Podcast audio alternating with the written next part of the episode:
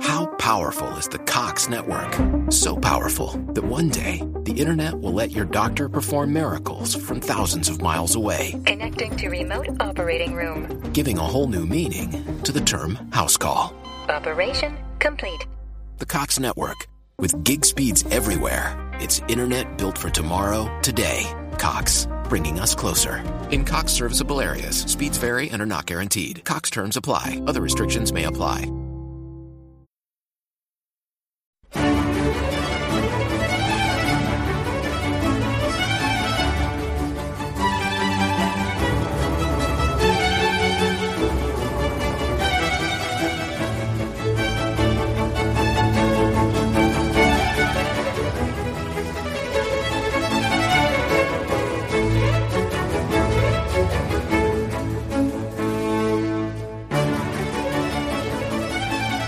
Välkommen till en ny vandring på gamla och nya stigar.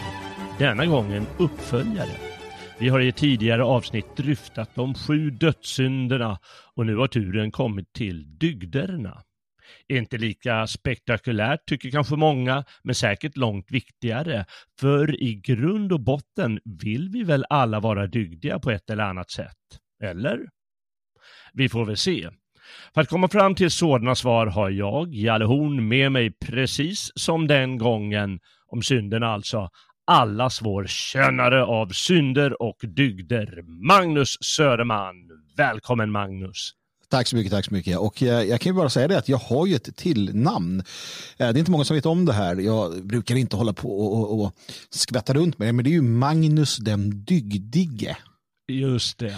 Det, det är ju så jag är känd bland mina vä- vänner. Ja, det är det va? Ja, ja varför inte? Det låter inte helt dumt. Eh, Först hoppades jag att det skulle komma något så här lustigt som du vet de här gamla kungarna så här. eh, Blodsven. Blodsven och Ludvig den skallige och eh, allt vad de hette. Men det blev bara Magnus den dygdige. Ja, nej, det var, jag, jag, jag, jag skulle kunna hitta på ett nytt ord och det är Magnus den dygdsyndige.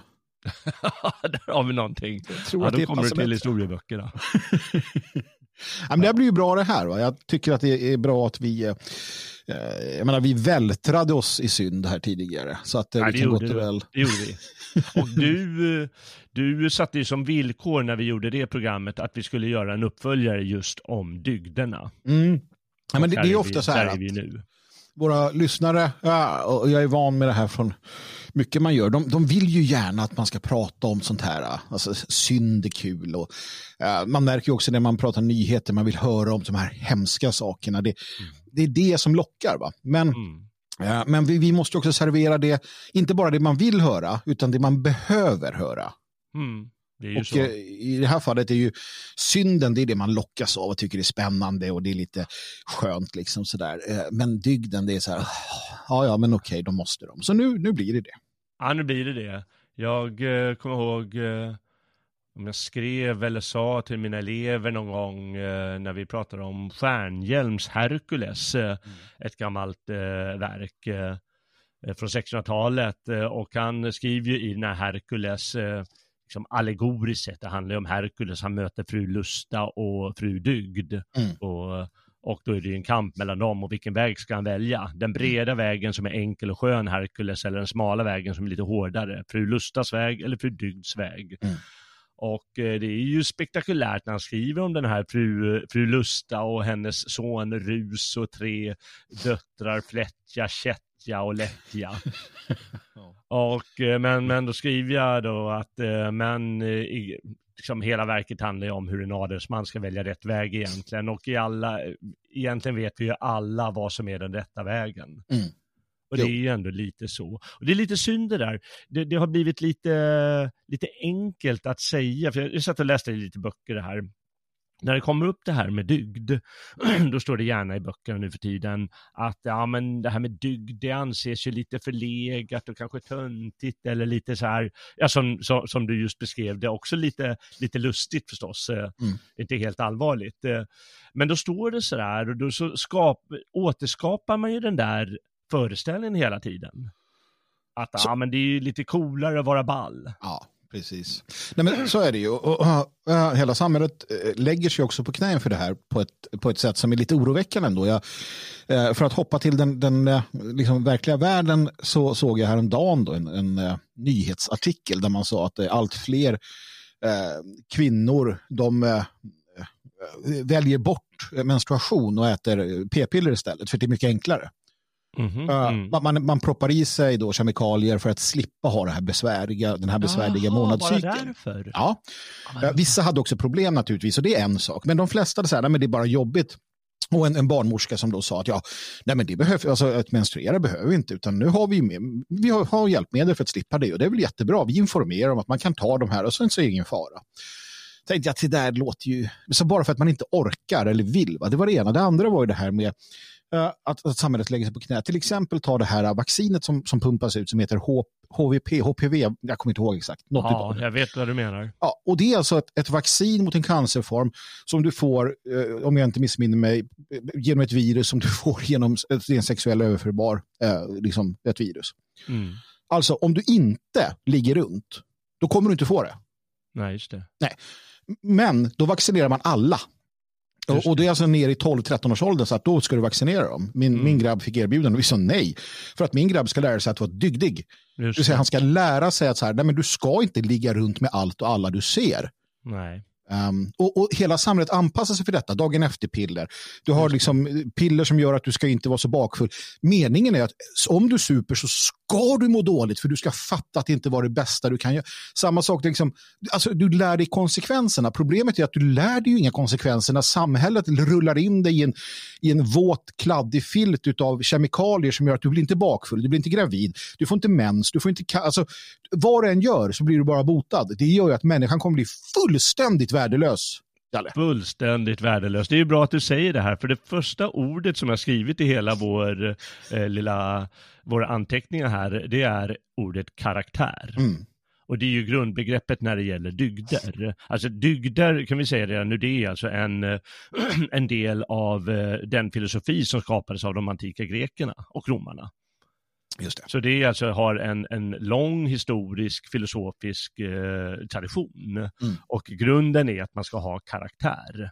Mm. Det här är lustigt för det kan faktiskt feltolkas. Jag kommer ihåg några eh, elever jag hade på Östra Real när jag jobbade där. Mm. Och eh, de, vadå karaktär? Eh, det är väl eh, när man är, har attityd och är lite cool? Nej. det var roligt. Det var liksom inte så att de förknippade det med alltså att man är redig och dygdig och Nej. är eh, karaktärsstark. De måste tänka på typ character, alltså en character, alltså från engelskan så att he's play the character. Ja, just det, just det. I grund och botten går det väl tillbaka till eh, det grekiska ordet mm. för etik, etos. Och det. det betyder just hållning mm. eller karaktär då, som vi skulle säga. Mm. så det är väl ett grekiskt ord i grund och botten där, karaktär också, men det är exakt vad det betyder. Men här, här sätter jag ju, ja, karaktär naturligtvis, det, det är ju sant där, och då sätter jag det med likhetstecken nästan till Vitalis Nordströms. Jag, jag och Vitalis Nordström har ju en, en käpphäst tillsammans. Eh, mm. Jag fick den av honom. Han skriver i tillfälle, det här slog rakt ner i min värld. Och eh, det, det, är en sanning utan, utan tvekan där han skriver att eh, pliktuppfyllelsen äh, definiera människovärdet. Punkt. Mm. Och det här tycker jag är fantastiskt. Alltså att, att, din förmåga, vilja eller vad du vill, att göra din plikt, det är det som avgör ditt människovärde. Uh, och det tycker jag om. Jag tycker att, att det, det, kan man alltid falla tillbaka på. Vi lever ju i en tid då, då så här, människovärdet är något, någonting du bara har. Och det, det är så här, ja, men FN har sagt att alla är lika, så, så är det. Va? Men mm. Vitalis Nordström går ju helt emot. Han säger att nej, den som gör sin plikt, och i det här fallet så tycker jag karaktär definitivt har med det att göra för att en karaktärsfast människa gör sin plikt. Mm. Och att göra sin plikt är att göra det du måste göra alldeles oavsett. Alltså, det kanske är skitjobbigt och det är läskigt och du sitter och gråter, men du gör din plikt. Mm. Och i det så blir du en människa, eh, ett värde eh, som människa. Det tycker mm. jag. Ja, vi ska komma in och skilja lite eh, på de där grejerna. Eh, plikt och karaktär och mm. dygd och, och, allt vad det är, konsekvenser och så lite. Eh, han är förstås färgad av en filosofi från Immanuel Kant som just lanserade ja. en pliktetisk, eh, som är liksom ändå lite skild från dygden, men vi kommer väl in på det snart. Mm. vad det innebär. Men, men jag har också skrivit upp det du sa i början här och det som ändå är viktigt att det, liksom vår tid och sossestaten och så, den vill ju inte ha starka karaktärer utan de vill ju ha de här grejerna som tar dagen efter-piller och som inte får menstruation och så, som, som inte är starka. Mm. Utan att, för då ska man ju förlita sig på staten.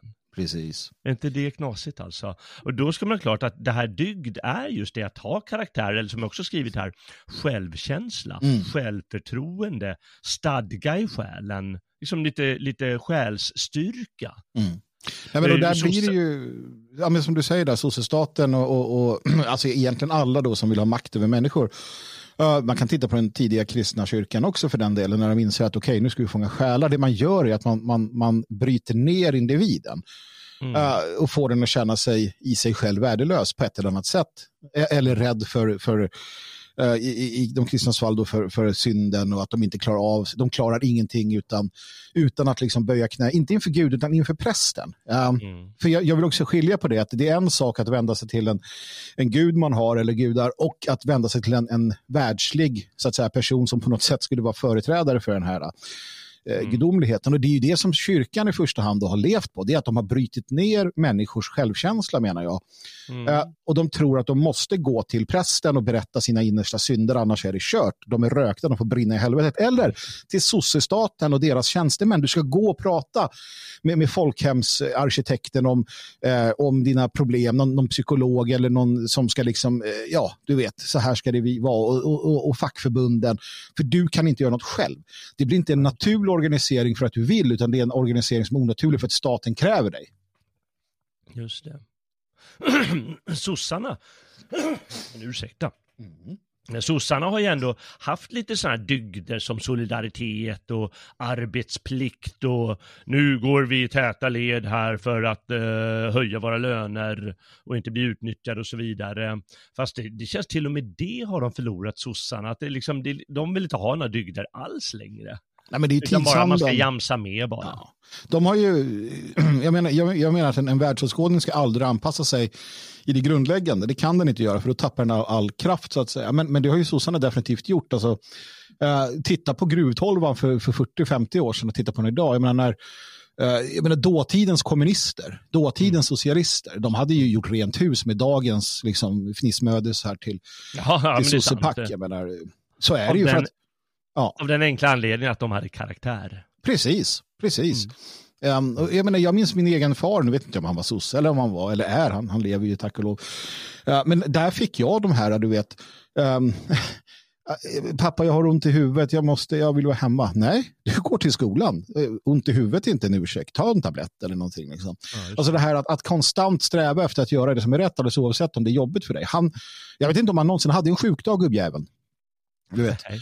Eh, Och inte nog med det så var han ju så här, ja, men, ja, gå till jobbet, ha båt, ha sommarhus, träna, träna grabben i fotboll, göra det här med den andra grabben. Eh, hur, hur hann man med? Jo, för att man hade pliktkänsla, man hade dygd, alltså den här eh, karaktären, man hade den här att nej, men, nu ska vi liksom, det här ska göras. Mm. Det vi inte har idag. Ja, just det. Men låt oss kolla lite på eh, bara, bara den filosofiska bakgrunden då lite. Eh, alltså, i- vardagen har ju dygder alltid varit viktiga. viktiga. Eh, alltså, Även i vår tid så är det Oh ja. ändå att eh, där hemma säger, ja men nu har du misskött dig, eh, säger man till Olle eller vem som helst, sin, sin pojk, eller man Mm. anklagar varandra för att ha gjort felaktigheter och då är det egentligen att man ska ju vara dygdig. Mm. Så i, i, i vardagen får man ändå säga att det finns där, eh, det är inte alltid bara att det är medvetet eh, och så vidare, som en pliktkänsla som du sa nyss. Eller? Mm. Men i moralfilosofin har de kommit på skam de senaste 100-150 åren, kanske ännu lite mer. eh, Av olika skäl, är väl att filosofin har målat in sig, eller byggt ett äh, elfenbenstorn kanske och inte hållit på med sådana vardagliga saker när man ändå läst i filosofi. Nu, jag vet inte exakt nu för tiden, men till exempel när jag studerade lite filosofi, ja, det var ju helt hemskt att läsa de här filosofiböckerna. Jag kommer med exempel i praktisk filosofi. Ja, men tänk dig att det kommer en utomjording och jaha, ja, vad ska jag tänka, vad ska jag tänka med det för? Och ska man måla upp konstiga exempel, liksom, så bara för att skapa en moralfilosofisk eh, situation. Bla, bla, bla. Det är hellre så här att ja, du, har, du har fyra, eller du har fem brödskivor, du har, den, rosten klarar två, alla vill ha rostat bröd. Vem ska Ja, ja men herregud, det är så töntigt alltihop. Eh, eh, Men eh, däremot var det som sagt, det var huvudtanke i antikens filosofi det här och viktig i medeltidens kristna filosofi också. För de ärvde det från antiken mer eller mindre och byggde ut det och därifrån kommer det här med de sju dygderna i, i motsats till de sju dödssynderna. Mm. Därifrån har vi det. Och först med nya tiden, så, så alltså från 1500-talet och framåt, som det liksom skapas annorlunda. Och fram, framförallt på 1700-talet, då kommer ju då de, de teorierna som varit rådande inom moralfilosofi de senaste eh, två, 200 åren. Dels då det vi kallar konsekvensetik, och det är till exempel utilitarism, det vill säga skapa så mycket, en handling som du genomför ska helst skapa så mycket lycka som möjligt och så lite lidande som möjligt. Mm. Och det är ju en sån här ekonomisk teori kallar jag det för, krämarteori. Mm. Att Precis. man ska göra en sorts beräkning när du, när du eh, genomför en handling. Ja, då ska du beräkna, ja, men ger det här lycka eller lidande?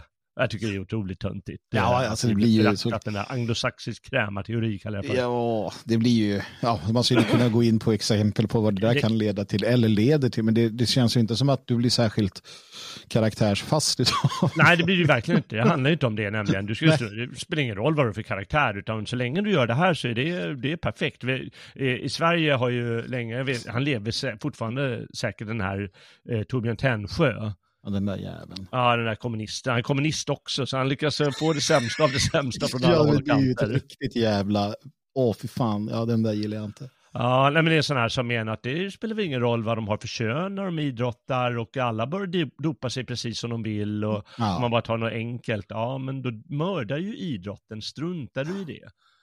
Då kan man ju säga att ja, men jag, det spelar ingen roll om jag kör efter reglerna eller inte. Nej, men det där, och det där är ju också så här, han är ju upplyft som en så här, det här att han skulle tillhöra en viss skola, eller var, ha en viss, alltså han är ju upplyft som, han är filosof. Han Ja. är den, det filosofiska sanningsvittnet. Mm. Vad den handlar om, då så här, ja, här Torbjörn Tännsjö berättar om det här, bara, ja men så här är det. Och då sitter ju folk där ute och bara, ja, till och med Ja, han tycker det. Ja. Vad fan, vad, finns det andra, har vi någon som tillhör liksom någon vettig filosofi som vågar öppna truten i det här landet? Eller är det så, liksom, Det är som att de alltid tar in polacken när det handlar om brott. ja, precis. Ja, Ja. herregud, nu får du ge sig. Jag vet inte vad han heter. Ja, S- Sernecke eller, eller Ja, Bagdad Bob eller vad man nu vill. Nåväl, den här konsekvensetiken går tillbaka på, på gubbar framförallt som heter Bentham och John Stuart Mill och så vidare, Ja. som arbetade med den teorin. Eh, samtidigt så skapade Kant då sin pliktetik eh, istället, eh, tyska det där. filosofen. Såklart att han var Kant. tysk.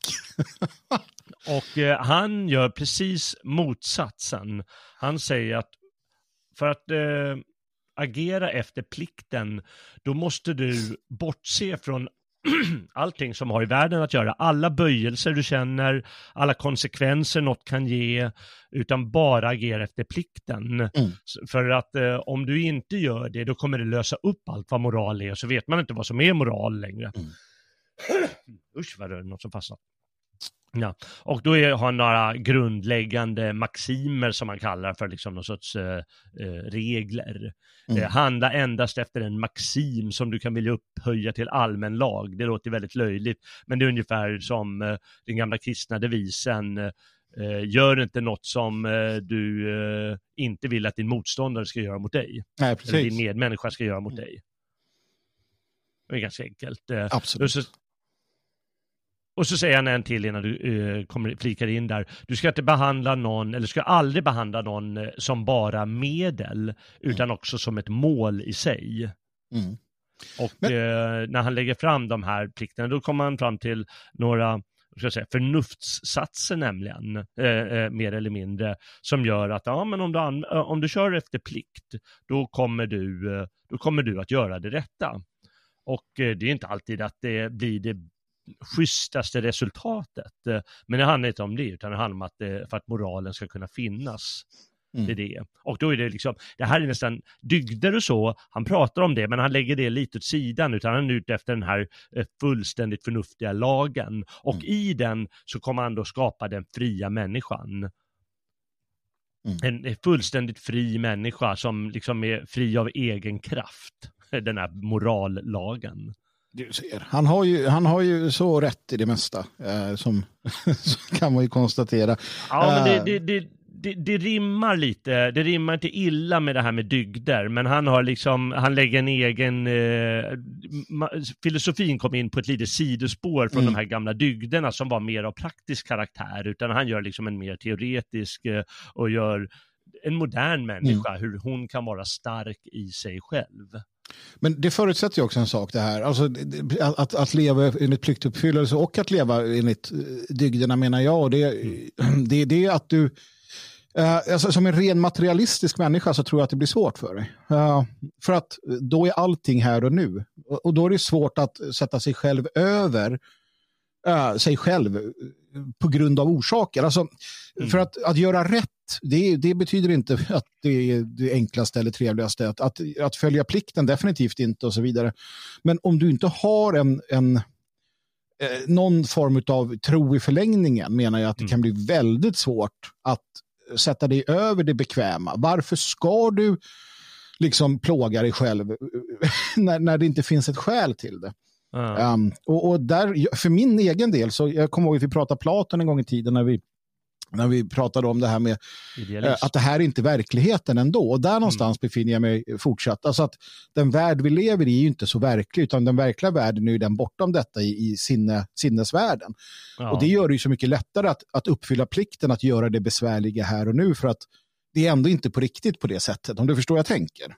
Ja, och det är lite grann, alltså, har du en, en gudstro eller har du en, en stark övertygelse i, i en andlig aspekt, mm. då är det mycket lättare att, att leva dygd, dygdigt helt enkelt. Ah, ja, ja, men det blir det säkert. Eh, men uh, den ställer ju ganska höga krav, precis som till exempel Jesu budskap eh, ställer ju ganska höga krav. Mm.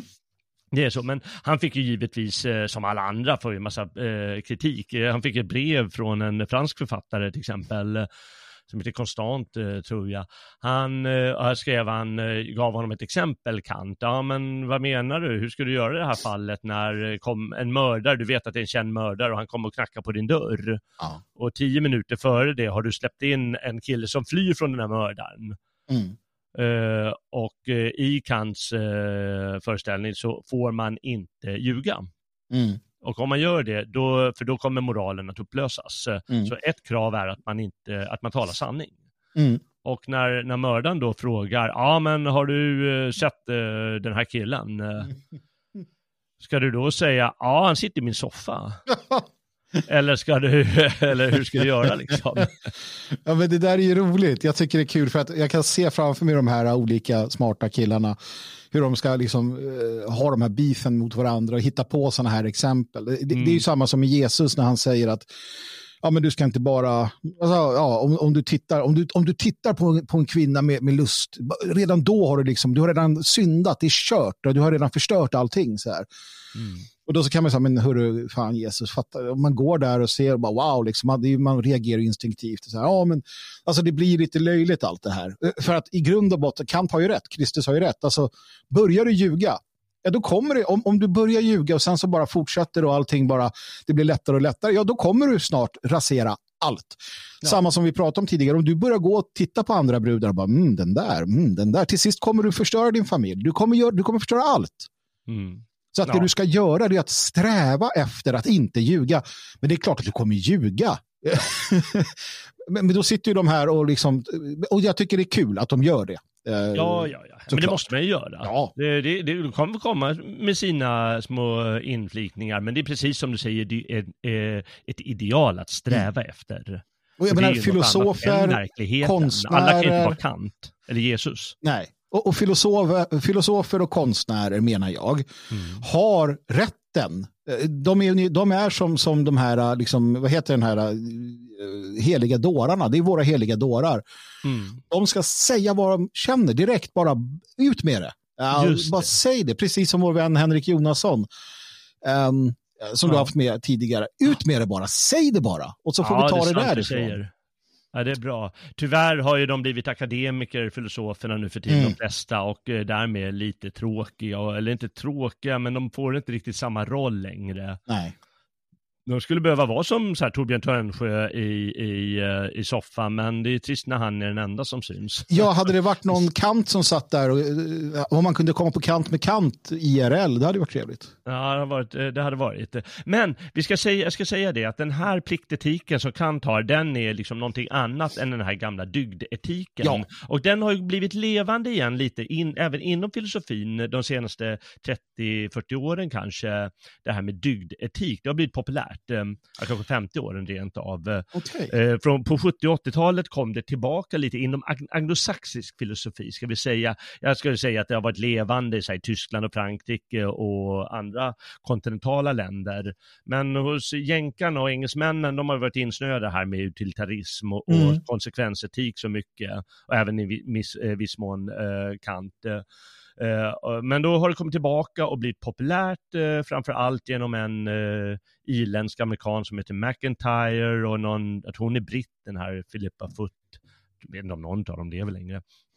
Den kom på 70 och 80-talet. Eh, Mm. Och de går tillbaka till den antika filosofin. Mm. Och där var dygdernas liksom mål eller syftet med det, det var att uppnå vad de kallar lycka faktiskt. Eh, Mm. Inte pliktkänsla, utan Mm. att uppnå lycka, det goda livet. Eh, Mm. och man, man får föreställa sig liv, li- lite som att om du lever i förträfflighet, och det är liksom lite av mål, alltså själva ordet eh, arete, som är ett av grekernas ord för dygd, eh, för, jo för dygd, Mm. det är liksom att vara bra. Mm. Det är just förträfflig, att vara förträfflig. Mm. Och det är liksom den gamla aristokratin. Aristokraten, han är ju den som är bättre än de andra. Mm. Och det är därför han ska styra givetvis. Som Ja, naturligtvis. aristokratin. Ja, tycker, ja, det, tycker man inte alltid. eh, Men, eh, men det är i alla fall så de tänkte i allmänhet, att det gick tillbaka till en sån tanke, fast de sen med Aristoteles, de kanske skapar hela staten. Men jag tycker inte att heller att det, i min värld i alla fall, och här blir väl hur man, hur man definierar det, men i min värld så är ju det, det är ju inte på något sätt motsatt plikt. För att, att göra sin plikt är att bli lycklig. Du Ja, kan visst. bara bli lycklig genom att göra plikten. Och att, att, följ, att, att vara dygdfull är ju att göra sin plikt och att därigenom blir du lycklig och förträfflig. Ja, Um, alltså det är det som är problemet, eller jag vet inte, kanske var, var på den tiden också, det kan jag inte svara, för människan har ju alltid varit svag i, i Ja. kött och, och så vidare, men det har blivit lite blaserat då förstås, att säga, jaha, vadå dygd?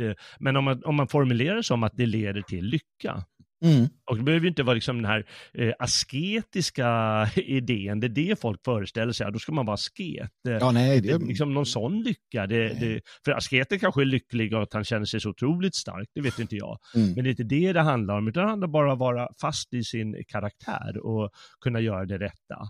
Men här- här- därmed göra det rätta och därmed känna sig lycklig. Mm. Här har vi en stor utmaning, eller vi, för, för att du har, alltså man måste förpacka det, det var som en, en eh, jag kommer inte ihåg vem det var nu, men som sa att den här typen av budskap måste du förpacka i en Big Mac-förpackning för att folk ska kunna ta det till sig. Lite grann så, eh, om du tar en sån som Jordan B. Peterson, han har ju lyckats med det lite grann så här att eh, alltså att, att, att om du går upp och bäddar sängen och gör det här och det här, då blir du ändå, alltså det är nyttigt och det är lyckligt, du blir framgångsrik och så vidare och så vidare och så vidare. Va?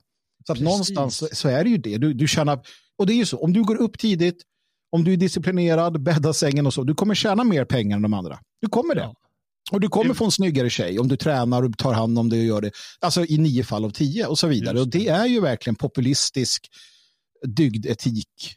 Ja, men det, det, det är helt sant du säger. Det är väldigt bra att han, att han har dragit fram. Och det, det, är liksom, det är ju det bästa med honom. För det, som alla sådana självhjälpsnissar eh, eh, så har jag alltid haft lite svårt för honom. Men, men jag tycker att det där är ett väldigt bra budskap. Gör det här, då kommer du bli starkare. Det är samma sak med de här dagen efter-pillren eller eh, p-piller för att inte få din menstruation och eh, tusen andra grejer. Eller inte gå till jobbet för att du är lite bakis eller trött eller vad Mm. som helst liksom. Ja men gör de där grejerna riktigt istället. Eh, raka dig på morgonen eh, om, om du inte har skägg eh, Mm. och gör det varje morgon så kommer dagen bli bättre. Precis. Jag menar, se fram emot grejer. din Se fram emot din mens. Den kommer ge dig bra hy. hy. Eller inte fan vet jag. Det finns ju massa positiva saker med den såklart. Ja, men det är klart det gör. För vad är motsatsen? Om Ja. du inte får det, då kommer ju kroppen kommer ju spöka förr eller Ja, senare. det är klart. Du kommer bli liksom, ja, någonting går åt helvete. Någonting måste ju, om, om man proppar i, ja, om man proppar i dig tusen mediciner varje dag då Mm. liksom. Mm. Det, det är inte så, kan man inte bli snygg av, det fattar ju vem som helst. Eh, Precis. Eh, Och eh, liksom rent allmänt där med dygderna, ja men då genom en stark karaktär, då kan vi även motstå alla, alla dumheter som florerar i tiden, alla, alla lögner som dras i media. Mm. Allt det här med vacciner till exempel. Mm. Mm. Jag ska inte klandra alla som har gått och vaccinerat sig, men, jag tror att det är förhastat det där. Men då är det liksom media som trycker på, men med en stark karaktär så kan man motstå det. Eller politiken, alla, alla all förljugenhet inom politiken. Mm. Det är så mycket där Mm. man istället kan göra det rätta och se det rätta. Ja, det är, det är lite det som är målet, men, men grund, det slutgiltiga målet, det är att, eh, att uppnå lycka enligt eh, till exempel Platon och Aristoteles. Och vi kan väl ta de första dygderna som, och nämna dem, Ja. när vi ändå har de här antika gubbarna framför oss, och det är det antik, de brukar kalla kardinaldygder under Just antiken. Och det vet jag att det kan vara ett kristet begrepp som har kommit sen, liksom den kristna traditionen sen sa, Mm. ja, de gamla kardinaldygderna. Och eh, de är rätt intressanta, de är alltså klokhet, rättrådighet, måttfullhet och tapperhet. Mm. Och de kräver lite sin förklaring. Eh, Eh, klokhet, eh, det är då, Aristoteles kallar det fronesis, det är liksom en sorts praktisk kunskap och veta hur man ska göra i olika situationer. Mm. Alltså hur du, eh, som han då säger, och det är just han, han säger att eh, dygden är medelvägen mellan två eh, ytterligheter. Mm. Och då tror jag i förra programmet sa jag då till exempel att eh, i krig ska du vara tapper, men du kan inte vara dumdristig. Nej, just det. Då springer du fram och dör. Mm. Och du får inte vara feg och gå längst bak. Nej. För det funkar liksom inte, utan du ska vara tapper. Mm. Eh, så ser han, och liksom klokheten är förmågan, alltså den intellektuella, kan kalla intellektuella förmågan att, eh, att förstå hur den här funkar. Mm.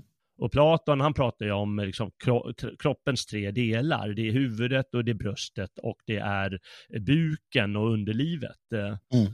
Och eh, klokheten har då med huvudet att göra förstås. Och därför filosoferna alltid sätter den högst. ja. Eh, Men tapper måste man ju också vara. Och det är också en då kardinaldygd och den sitter ju i bröstet. Eh, Mm. Och det är inte liksom bara att du ska vara modig utan de, de formulerar som liksom viljekraften. Det är Mm. snarare viljekraft. Eh, till exempel att, alltså, låt oss säga på skolgården så är det någon som mobbar. Och eh, när du går och säger till, ja men vad fan håller du på med? Mm. Då, eh, då har du viljekraft att genomföra det moraliskt rätta. Just det. Och det är tapperhet. Eh, Mm. Inte bara att vara modig i sig, utan just eh, klara av att, liksom, eller drivkraften att göra det här. Mm. Mm. Och sen har du måttfullhet eh, och den hör eh, buken och underlivet till. Och det vet ju alla att eh, underlivet vill alltid hålla igång Japp. och eh, buken vill alltid äta och dricka. Japp. Japp. Och då är det förstås att eh, dygden är, för den delen av kroppen, är att vara måttfull Mm. och besinna sig. Mm. Att inte bara supa hela dagen. Nej, precis. Inte bara ge efter för allting. Nej, exakt. Eh, Och det är också en viktig dygd, den är lika viktig som de andra. Mm. För alla behärskas vi av, av den. Och sen så har vi då slutligen eh, rättrådigheten. Och det är förmågan att eh, eh, liksom hålla alla de här igång. Som inte, kanske inte bara ägna sig åt besinning, och då glömmer man ju bort att vara tapper och, Mm. och duglig på det sättet, utan ha balans mellan de här delarna kan man säga. Precis. Och det beskriver både Platon och Aristoteles, var och en på sitt sätt, men de säger att det är väldigt viktigt. Och det är viktigt, framförallt för Aristoteles, är både för individen, men också för staten. Så det är liksom lika viktigt för gemenskapen. Platon är lite, ännu mer för staten. Liksom. Mm. För, för om staten går under på den tiden, alltså en sån här liten eh, stadsstat, Mm. eh, då är du, alltså då kommer du inte ha ett sammanhang längre. Då Nej. kommer du vara statslös och helt enkelt inte mycket mer värd än en slav. Nej, du är körd. Det är alltså. liksom, då är du kört, det är det värdelösaste av allt. Mm. Så det, här gemenskapen är grundläggande. Men i gemenskapen måste man ju också se till individen och det gör Aristoteles och han, han drar på med en massa dygder. Mm. Ska se vilka han tar då. Kan vi se vad vi tycker om dem? Mm. Eh, han har då mod, det vi se, eh, sa vi redan, återhållsamhet, ja men det är lite som måttfullhet och Mm. frikostighet. Mm. Det, mm. Ursäkta. Ja, bara där, det, det, är bra. Ja, och det är ju, den är ju stambunden, det måste vi komma ihåg. Mm. Alltså frikostighet, ja. Broder, broderskap, ja. Eh, hjälp alla som behöver hjälp, ja. Precis som, som den kristna, man tar alltid upp det här att ja, men det står ju i Bibeln att du ska hjälpa flyktingar och så vidare. Ja, sen börjar du titta på vad orden betyder. Det är ju stamfränder, alltid stamfränder. Eh, Aristoteles säger ju inte att du ska ta hela Afrika och vara frikostig mot dem, bara för att, utan det han menar är ju i det sammanhanget. Och då, då faller bitarna på plats. va? Mm. Ja. Annars är det bara dumhet. Ja, annars är det bara dumt. Precis, om, eh, som, som om man ser till från Aristoteles sida, han säger att eh, medelvägen mellan två stycken ytterligheter och i Sverige, där snackar vi ytterlighet. Eh, frikostigheten, liksom den, dess ytterlighet är övergenerös, ger dem allt. Mm. Mm. Och eh, ska vi aldrig glömma att i de här stadsstaterna, det var ju aldrig tal om att en främling skulle kunna få medborgarskap. Det var ju helt o, eh. Det skulle, aldrig komma på tanken. Det är först Rom som kom på det Mm. när Rom hade blivit för stort. Då kom det, ja men vi kan ge dem och dem och dem Precis. också medborgarskap.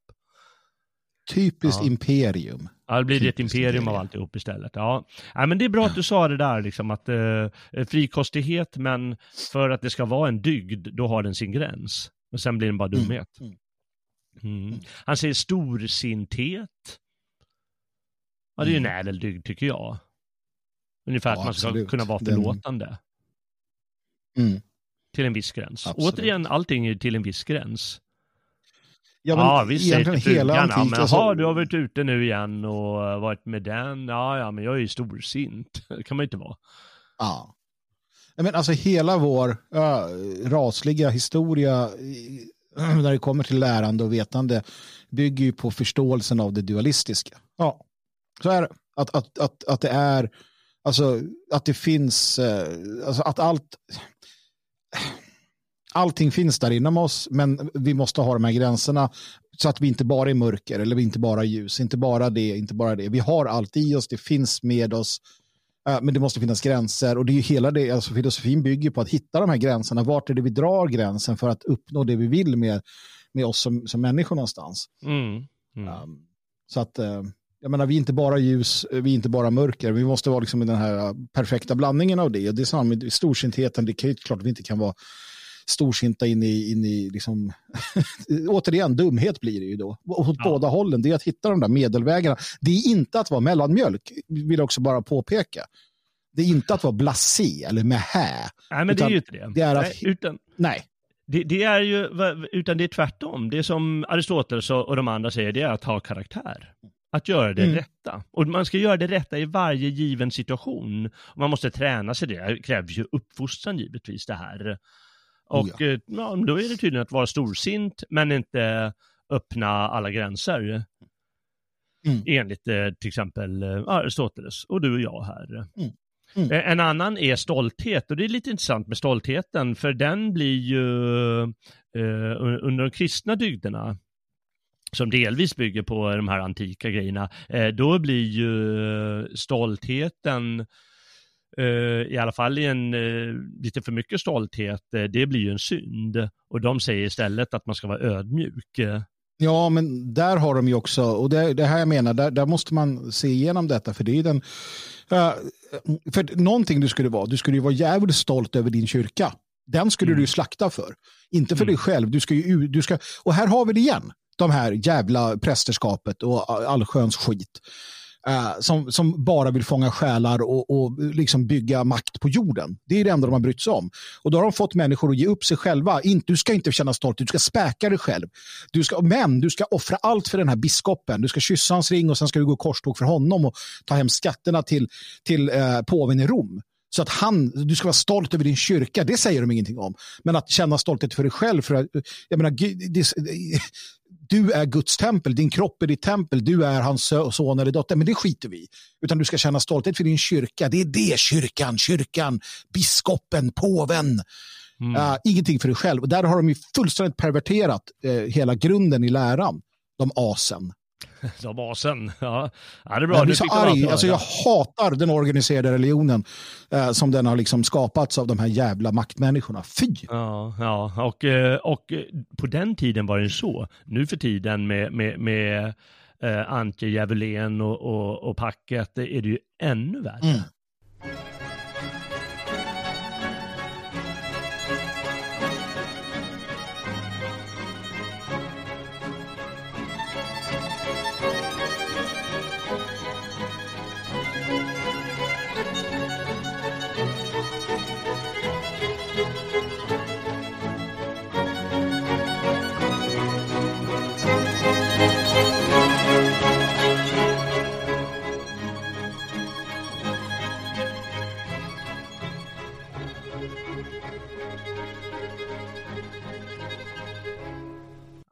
Nej, det är skrämmande. Mm. Men vi kommer snart till de kristna dygderna. Vi får se vad, vad de här gamla... Vi ska komma ihåg att han var ju inte aristokrat på det sättet som de var tre, fyra generationer före honom, Aristoteles.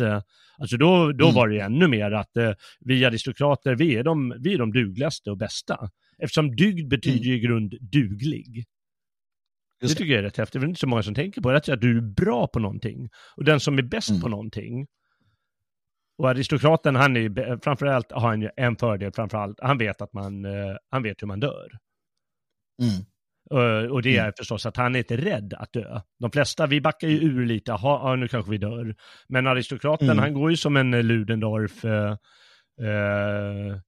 1923. Jaha, men kulorna viner, vet du, de ska marschera mot Berlin. Ja, men han går först och bryr sig inte. Mm. Och, Nej, men det, där, egentligen, det där, Ja, där, där äh, egentligen sammanfattar du allting i, i det, tycker jag. Alltså vad man vill uppnå som människa. Vad är själva slutmålet? Det är att ha den ståndaktigheten, att vara Ludendorff. ja, just det. Ja, men det, det här, det, visst Aristoteles, det, det, här är alltså de äh, aristokraterna som fanns äh, ett par hundra år före honom eller kanske medeltidens riddare. Och vi får inte glömma en sak, medeltidens riddare, de brydde sig inte om folket. Om de såg en bonde, då gick de ju bara förbi. Mm.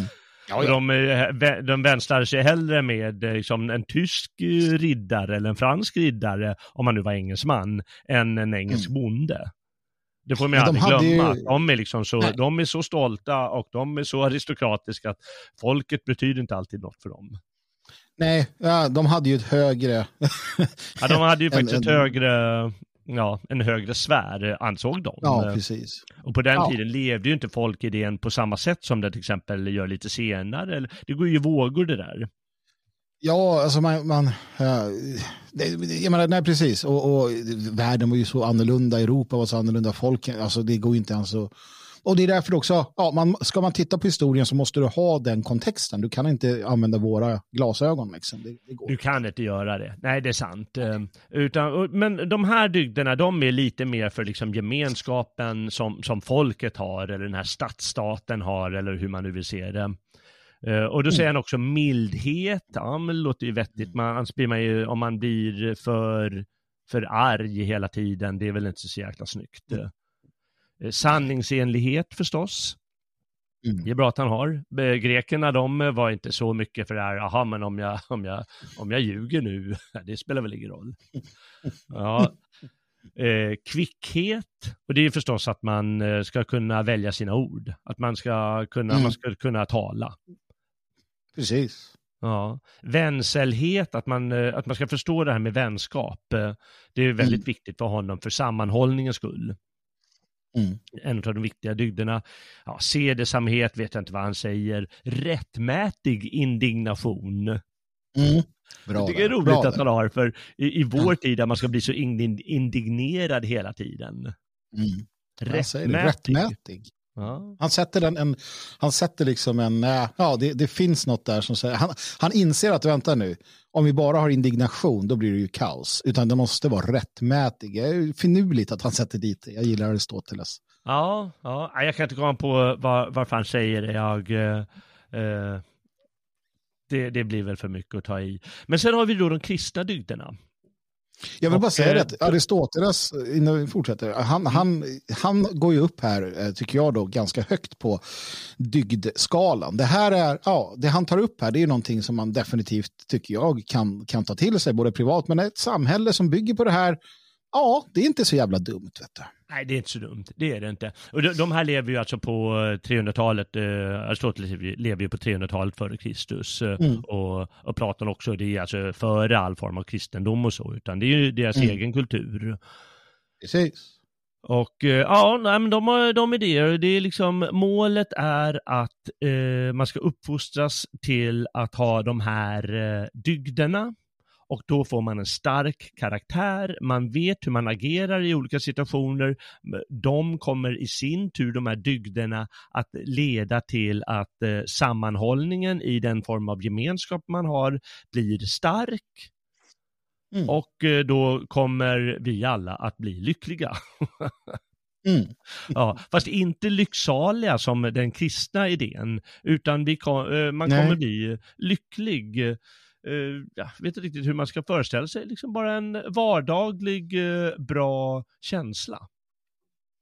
Men alltså, jag kan tänka mig, jag, jag kan föreställa mig den. Och tänk dig när du hamnar i en situation där du har, där du vet att du vet vad du ska göra.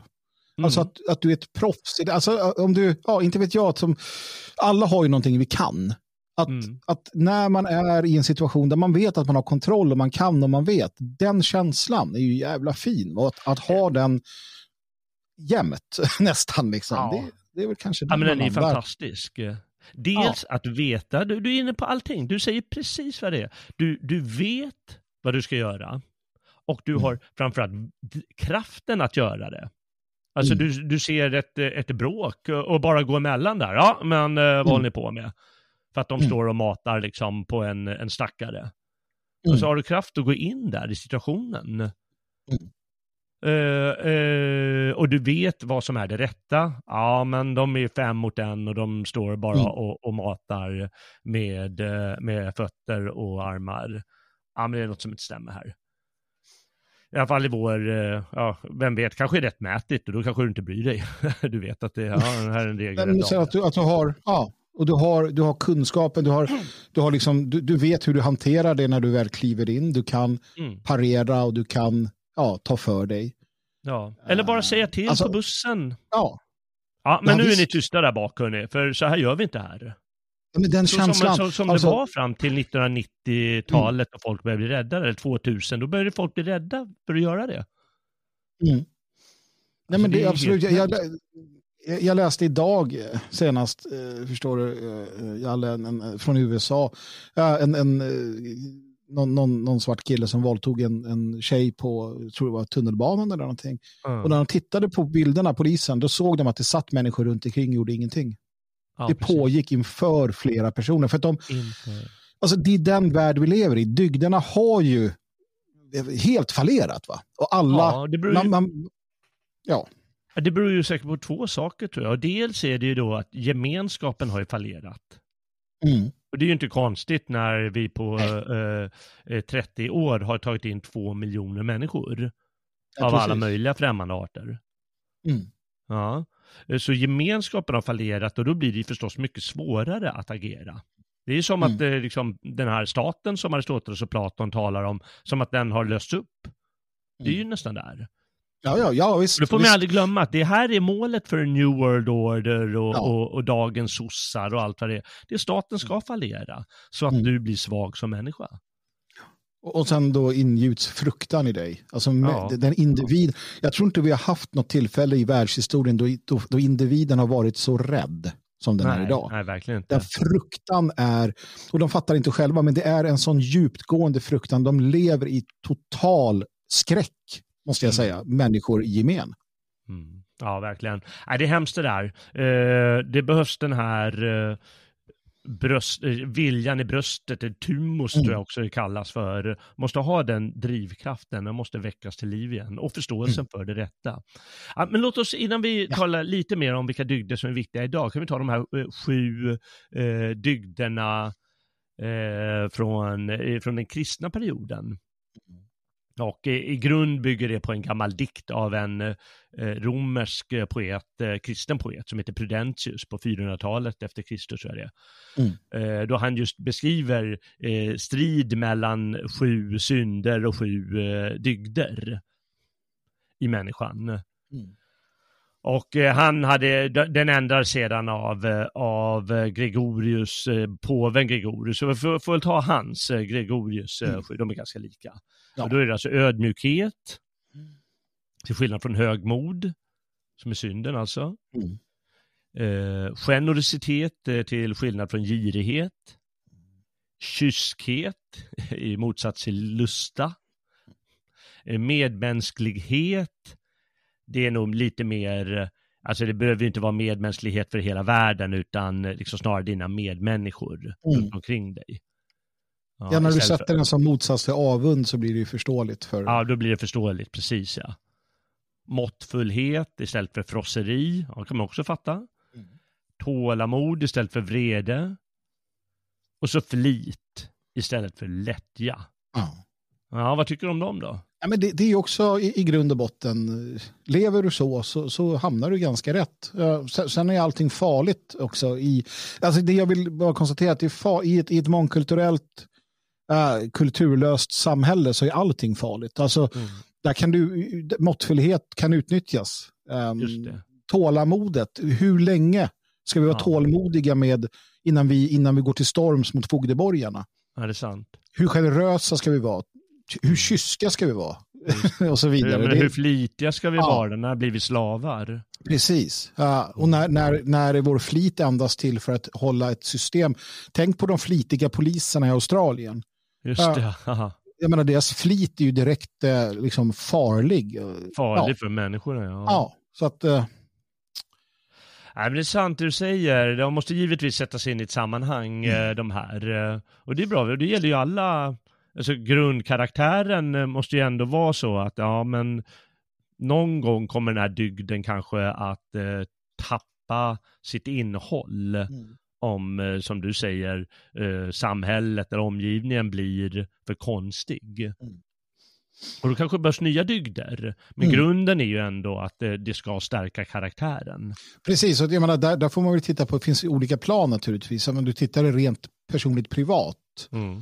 Hur du som, alltså, ska leva, eller försöka leva, det är en sak. Och sen i samhället, eller samhället som, som enhet också såklart. Mm. Eh, och det är säkert liksom den här sortens dygder som beskrivs här med just de här orden som gör att vi tycker att det är lite töntigt med, med aha, dygdighet, är att vara ödmjuk Mm. och, och kysk Mm. och flitig. ja, men jag vill ju vara sån här bloggare och, och Ja. influencer och eh, visa upp mig hela tiden och eh, gärna hitta både en, två, tre snygga tjejer eller killar. Precis. Och det är ju liksom vara- motsatsen till de här dygderna. Precis, nej men det är klart. Det är klart. Men om man sätter det i motsats till liksom synden. Mm.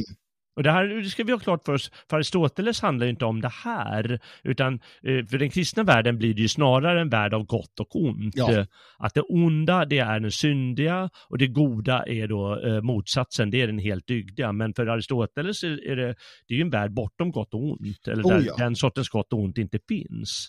Mm. Och Nej, då och det måste det, man skapa de här dygderna, få en annan känsla för dem. Ja, och det är det som är det är det som är det viktiga, för vi lever de facto i en värld bortom gott och ont. Mm. Det, alltså, världen är bortom, bortom gott och ont och, och, och gott och ont finns i alla din dualistiska principen och så vidare. Där, där blir det ju, ja, alltså kyrkan gör ju så här för att de gör det lätt för sig, för att återigen, för att de ville också, alltså den organiserade religionen ville hålla människor eh, fångna, de ville fånga själar och ha dem i ett system, oftast ett pyramidalt maktsystem. Mm. Uh, och, och då måste man ha det på det här sättet. Så att, så att, men, men om man vill tillerkänna människor någon frihet och möjlighet att själva tänka, avancera och fundera så, så måste man ju ändå ha de här principerna för att det ska fungera i ett, i ett sammanhang. Och där, där, där är det bortom gott och ont. Så det, det är ju jätteviktigt att förstå det. Mm. Ja, och som sagt att vi har alla, du och jag har förmågan till godhet och ondska i oss. Det, mm. det, det, krävs olika sätt att, att förstå oss själva och förstår vi oss själva och förstår vi allt någonstans. Mm. Jag, ty jag tycker det är ganska bra också att eh jag menar, den, den, idén har ju inte varit levande hos de flesta eh, på ganska lång tid. Eh, mm. Eh, I alla fall i ett eh, land som Sverige. Och det är ju att eh, de här, alltså kyrkan som du säger och de här dygderna, det handlar ju om efterlivet mm. i, i, i sista hand att eh, du ska vara kysk på grund av efterlivet, mm. du ska vara måttfull på grund av efterlivet så att du hamnar rätt liksom mm. bland själarna i himlen istället för i helvete och skärseld och så mm. vidare. Mm. Eh, och eh, det går ju att eh, förstås eh, utnyttja mm. och framförallt så är faran om man glömmer hur det är i världen. Mm. Till exempel Men... i, i eh, ja, vår gemenskap Sverige Precis. idag ja, då måste de här förstås på rätt sätt, de här dygderna, och inte sikta mot efterlivet. Men du har ju den, och, och det, här har ju då, här har ju utan tvekan den organiserade religionen äh, pajat för sig själv och för många. Jag menar, titta på, äh, titta på de, alltså kommunisterna i USA, jag, jag kommer jag kom att tänka på det nu, um, det finns en rolig kampsång, det är han uh, Joe Hill tror jag som sjunger den. Mm. Uh, det handlar om the pie in the sky when you die. Mm. Eh, och det är en attack mot hela liksom, bourgeoisien och hela, hela samhället. Att det är de här prästerna och borgarna, hela det här packet. De lurar dig. De säger okej, okay, kom igen, gör så här, var lydig, gå till jobbet, gör allt det här. Then you get your pie in the sky when you die. Det blir ingen pie nu, men den kommer när du dör. Mm. Uh, och det är lätt att revoltera mot den idén. Okej, okay, varför ska jag och mina kamrater. Vi ska gå till asbestfabriken och få lungsjukdomar för att någon jävla patron ska sitta och äta sin lyxiga måltid med sin feta buk. Och sen säger den jävla prästen i kyrkan när jag går dit att ja, men när du dör, din ledbrutna arbetarjävel, mm. då kommer du få paj. Då säger man, men skjut prästjäveln, bränn kyrkan, döda patronen. Och det är här som det här hela systemet har blivit och, det är här man ser att de är som båda, både kommunism, kapitalism, allt det här, det, det är två sidor av samma sataniska system i mm. grund och botten. Och det är ju för att man har fördärvat allting. Uh, mm. Så att, ja, där, dit kommer jag att tänka på det. ja, ja, men det, det är bra att du säger. Vi, vi, vi, kan väl gå in på då, då dygder som vi tycker kan kännas viktiga i vår tid. Mm. Eh, för vi har ju sagt, nämnt en massa och eh, vissa låter ju bra, vissa låter, jaha, ja, men det, mm. eh, vad ska jag med det till? Precis. Kanske, men eh, eh jag, jag, jag, får väl börja då, det, det är vi väl alla överens om. Men någon gång måste vi definiera det här med stamkänsla. Mm. Mm. Eh, alltså lojaliteten till det egna. Titta detta egna och vara lojal till det. Ja. Och Nej, det är ju förstås det som har fallerat eh, väldigt mycket idag, som måste byggas upp på nytt. Och det, det, det är väl därför där vi håller på med det fria Sverige. Mm. Det är för att bygga upp den stamkänslan igen, för den har, ja, den har gått sönder i Sverige. Ja, absolut. Och där, där blir det också någonting som vi hela tiden brottas med, liksom, vilken är vår stam? Och, mm. uh, för att man måste avgränsa allting. I, i, i Vikingabalk skriver ju, uh, skriver ju um, Tegnér Eh, det, det är väl Fritjof som stiftar den där uh, Fritjof-sagan stiftade de där vikingalagarna, men där säger han något i stil med att uh, när han har gått igenom alla de lagarna så säger han att det här är lagen, gör sen som du vill. Men vill du vara en del av oss, då är det här lagen. Just det. Annars kan du stanna i, liksom, och, och, någonstans så måste vi också dra det till det, att vill du vara en del av det fria, de fria svenskarna så finns det liksom en grundläggande lag och då tillhör du stammen. Då tillhör ja. du folket. Om inte, nej, då, ja, då, då, är du inte en del av oss och då, då bryr vi oss inte särskilt mycket heller någonstans. Ja, men det är jäkligt viktigt att du säger det på det där sättet, för det är ju bara om folk, folk tror de vill både vara kosmopoliter, men samtidigt hela tiden komma hem och ha det gamla vanliga och så mm. vidare. Men någon gång då får folk välja, vill du vara ja. kosmopolit, varsågod. Mm. Ja, mm. Det är helt lugnt. Eh, eller vill du vara en del av gemenskapen? Mm. Då, då, får du välja. Och med kosmopolit behöver inte vara, eh, man, man, kan ju bo på andra sidan jordklotet och ja, fortfarande ja, vara en del av absolut. stammen egentligen. Absolut. Utan det är ju inställningen. Ja. Att man inte, eh, inte, att man jobbar för saken eller att man jobbar eh, med eh, människor eller att man liksom ändå i sin vardag hela tiden har den här kontakten. Mm. Absolut. Ja, det där är Mm. jätteviktigt. Mm. Ja, stamkänslan, jag vet inte vad jag ska kalla den för, men eh, jag säger det i brist på annat. Eh, Och jag brukar ju säga att eh, afghanerna, Mm. de är mycket mer moraliska än svenskarna. Mm. Mm. Därför absolut. att de i grund och botten har den här stamkänslan. Mm. Och det gör att de klarar av att vara moraliska. Mm. Och om man förlorar den, ja, då är det svårt att bygga nya dygder från ingenting. Och, och det här betyder ju inte du tycker att man ska omfamna deras kultur. Det är inte det det handlar om. Jag vill bara göra det klart om det Nej, finns nej, någon, nej, någon, korkad själ där ute som tror att men ska vi alla vara som dem nu eller? Nej, vi har vår, vårt folk har en, en urgammal kultur, moral, etik, idé om det. Och det är, men för att, för att kunna upprätthålla den så måste vi vara, eh, alltså ha den stamkänslan. Den, den, ja, det är det som Jalle säger. Ja, självklart. Ja. Nej, vi ska inte bli afghaner allihopa. Bara raserar alltihop Ja, i ett par meningar. Ja. Nej, det är bra. Har du någon, eh, någonting som du tycker är viktigt? eh, Ja, jag var ju snabb där tidigt och, och sa det, plikten. plikten. Ja. Ja. Och, och den, jag kommer, alltså plikten botar allt också. Ja, Någonstans så är det så att har du en, en, en, en stark pliktkänsla, då gör det inte så mycket vad som händer eh, i livet. Alltså, man, man är med om motgångar och medgångar. Ja, man blir sjuk, man mår dåligt, eh, saker händer, liksom allting. Men Mm. om plikten, alltså att din känsla, du vaknar så här, idag ska jag liksom återigen göra allt jag kan för den här saken, för mitt folk, för min gud, eller vad det nu är liksom, eh, som motiverar den. Och du gör din plikt, då, då mår du bra. Alltså, du kan, du kan kliva ut ur din egna personliga misär eh, och göra det rätta, din plikt, och då känns det bra. Mm, Så det är det jag menar, att den är, den är välgörande på alla sätt och vis.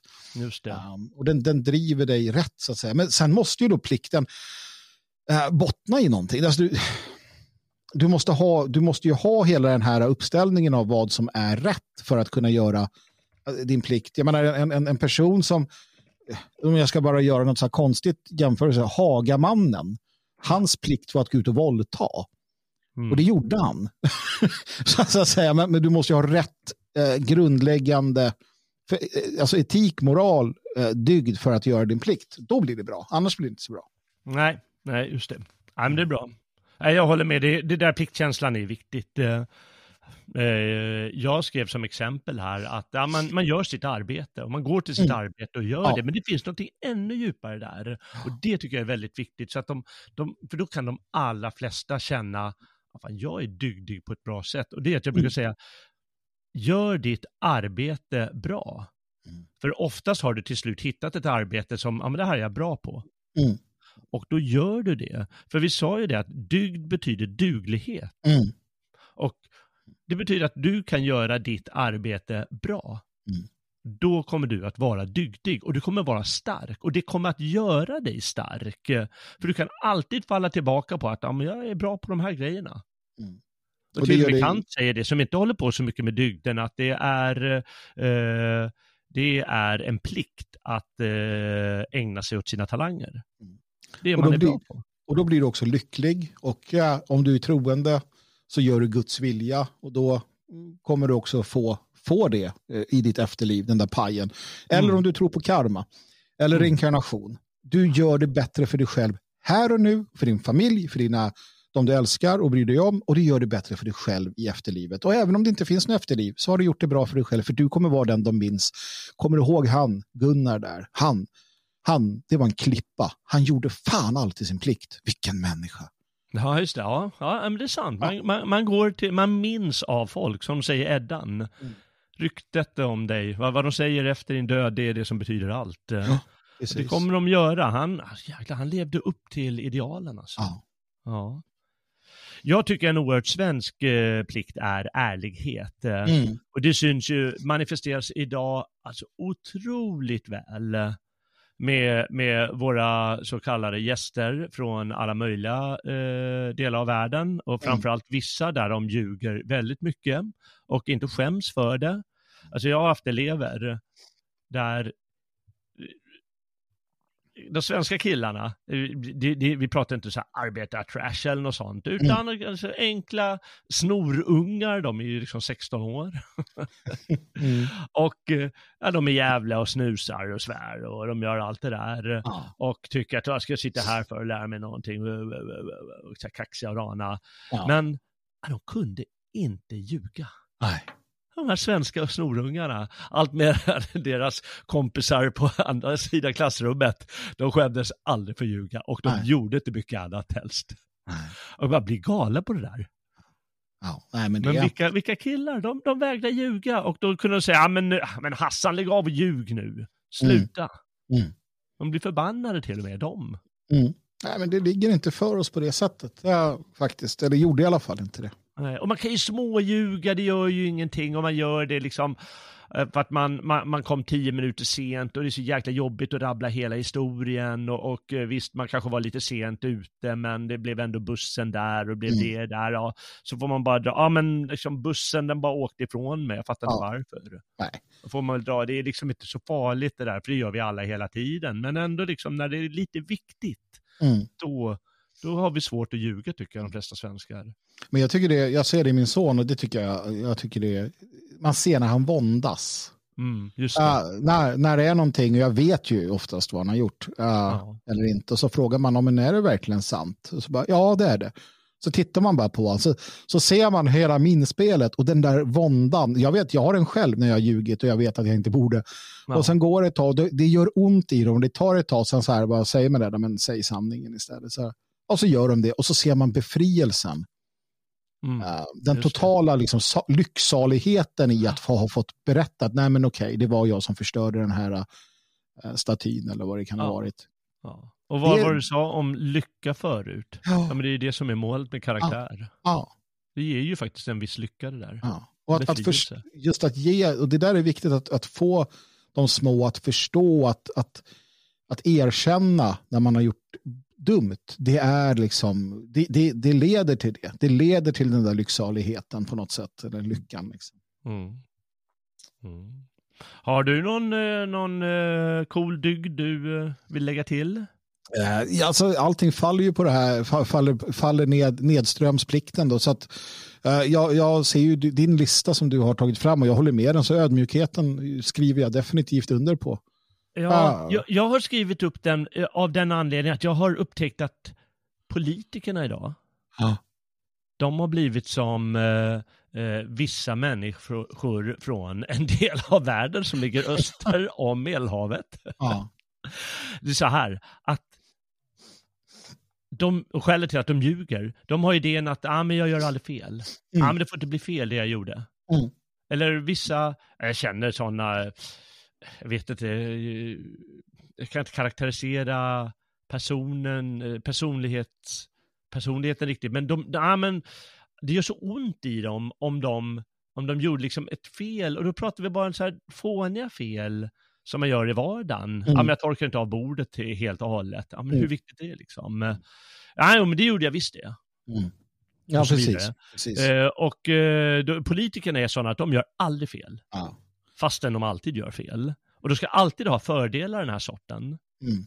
Och då måste man ha en, en, den sortens ödmjukhet, att inte bara hela tiden sätta sig själv före. Mm. Men där, där krävs det också, ja, om jag tittar på ett privat plan, eh, när jag ser min egen sådär, liksom, utveckling, ödmjukheten, den, den tog lång tid uh, att få. Jag, mm. Nu är jag ödmjuk på ett sätt jag aldrig har varit tidigare. Uh, och, och det, jag vet inte om det är bristande uppfostran eller, eller vad det kan vara, men ja, den här uh, rädslan för att göra fel och, och sådana där saker gjorde att man inte blev en särskilt, man var inte en särskilt trevlig person på något sätt. Uh, ja. utan, utan, man skulle alltid ha rätt. Jag menar, hur många relationer har man inte förstört på grund mm. av det? Jag okay. tänker på typ att hälften av alla äktenskap slutar i uh, slutar i skilsmässa. Vad beror det på? Förutom alla uppenbara skäl. Kanske för att folk är jävligt dåliga på... För att ödmjukhet det är ju något annat. Jag tror att när man bara ser det rakt upp och ner så kanske man får en, en jag vet inte hur man ser det själv då. Men i det privata och i det personliga att vara ödmjuk inför nära och kära, det är ju någonting som är livsnödvändigt, annars så går det åt skogen. Och där, Mm. där vet jag själv hur, hur, man, hur jag har brustit som sjutton när man var yngre, definitivt. Um, för att, i- inte, för att, inte för att man inte kunde erkänna att man hade gjort fel, och så, utan för att man inte ville framstå som en person som inte kunde. Då var det bättre att bara köra på. Mm. Ja, just, just det. Man måste ju ändå ha, eh, vara så smart att veta att man, ja men det här kan ju inte jag. Nej, Hur viktigt är det att jag inte kan det här? Måste jag glänsa i alla situationer? ja, men precis. precis. Ja.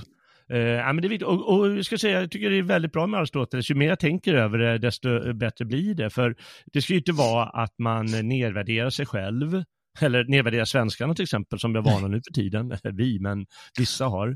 Eh, och det, även det här, eh, jag tycker jag ser när jag ser på gatorna, tyskarna är extrema med det där, att eh, ja, men kom och ställ dig, gå åt sidan nu. För nu Mm. kommer en annan människa och liksom puttar in barnet i väggen nästan.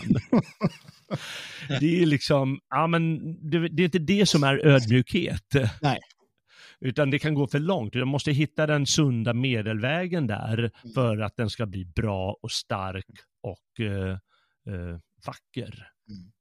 Nej, och då, då krävs det en, en, en portion stolthet. Eh, och har du den Mm. tillsammans med ödmjukheten och förstår eh, hur det vandrar hand i hand, då helt plötsligt så, så blir det mycket bättre. Det är som jag brukar säga att om till exempel om, om, om alla barn i Sverige fick veta att okej, det här är ditt arv.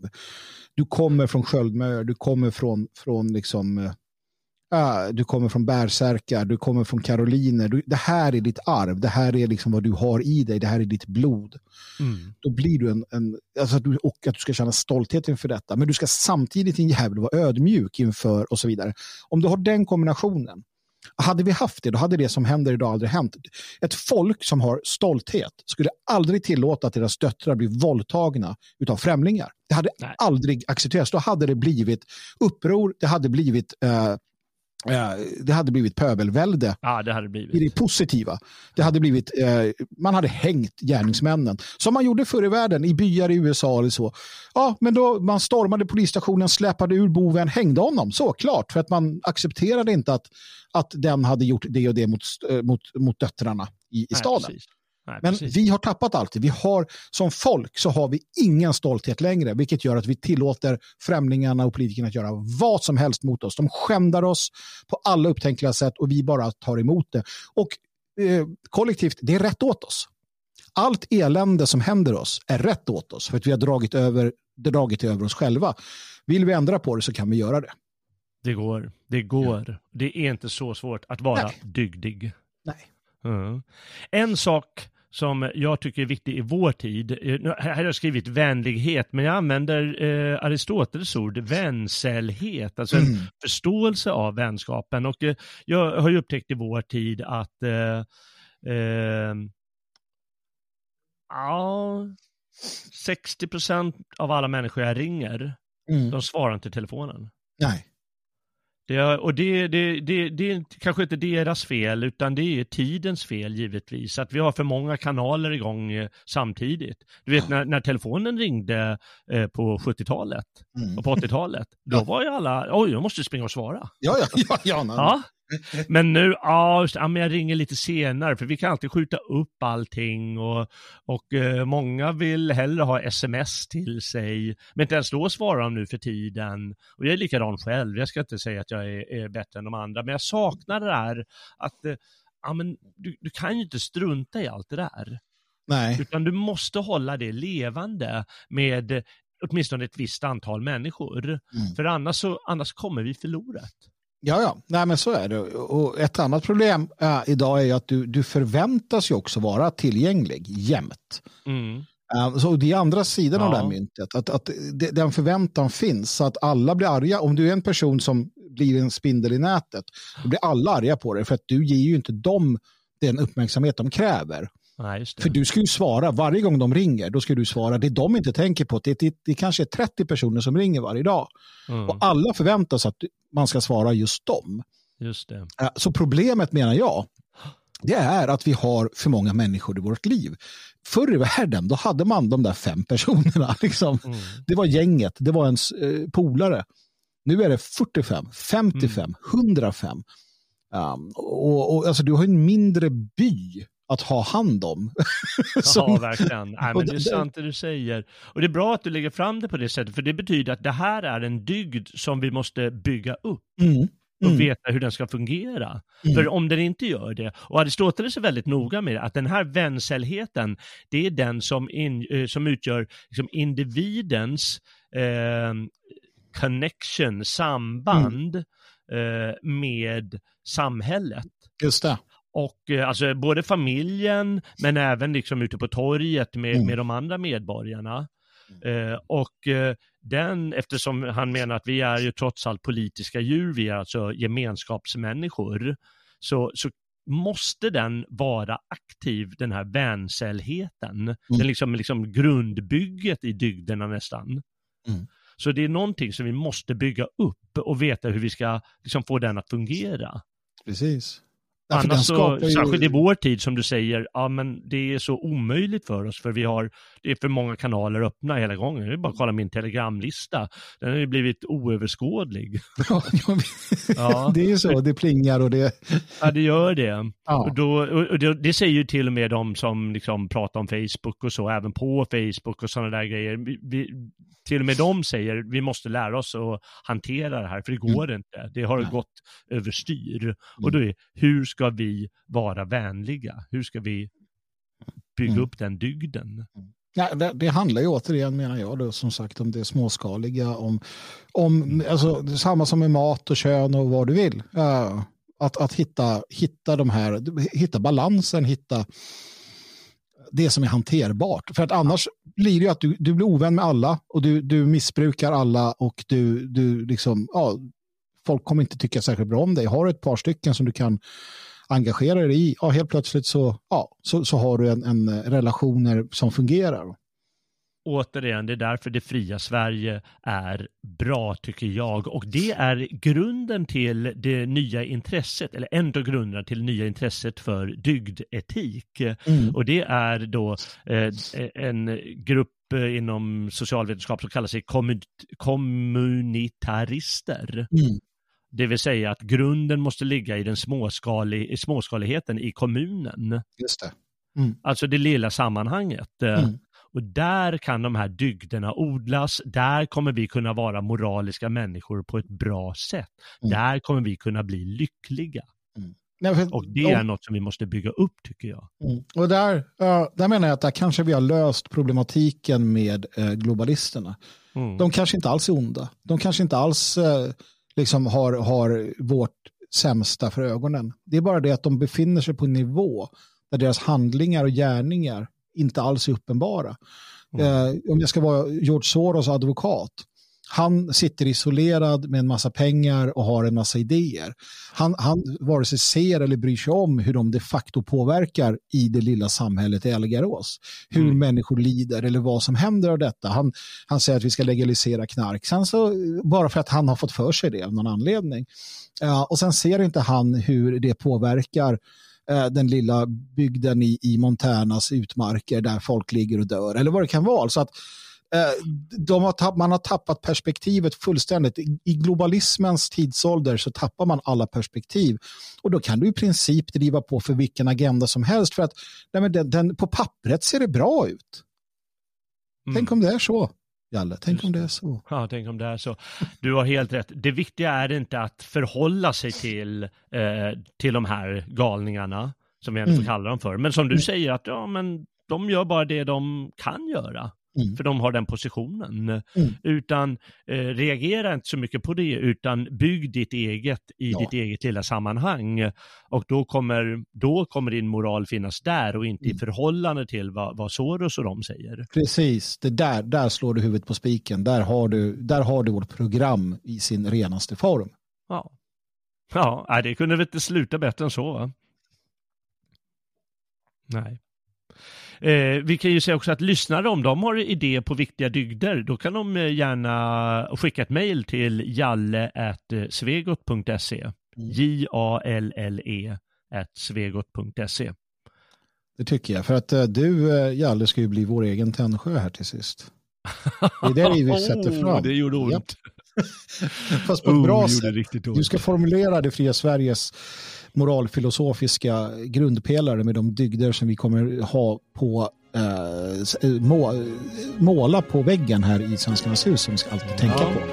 Ja, nej, vi får låna något sånt. Ja, tycker jag.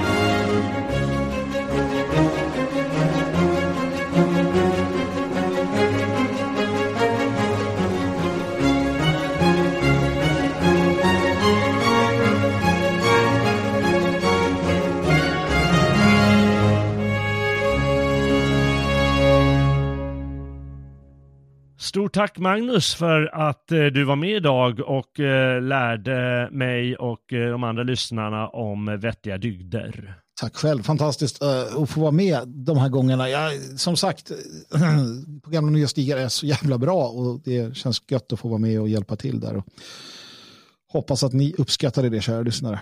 Ja, tack för de orden. Och tack också du som har lyssnat och följt med på gamla och nya stigar den här gången. Eh, eh, tack också du som är stödprenumerant på Svegot. Och om du inte redan är det, men uppskattar vad du har hört så får du gärna stötta oss på Svegot genom en stödprenumeration eller donation. Och då går man in på svegot.se och klickar sig fram den vägen.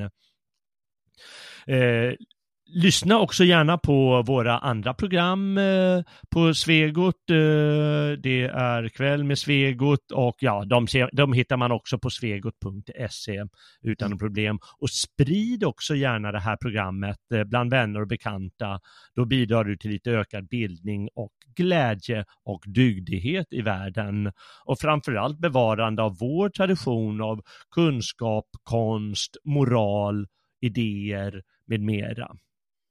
Jag heter Jalle Horn och tackar för uppmärksamheten. Jag hoppas vi möts på nästa vandring. Väl mött frände.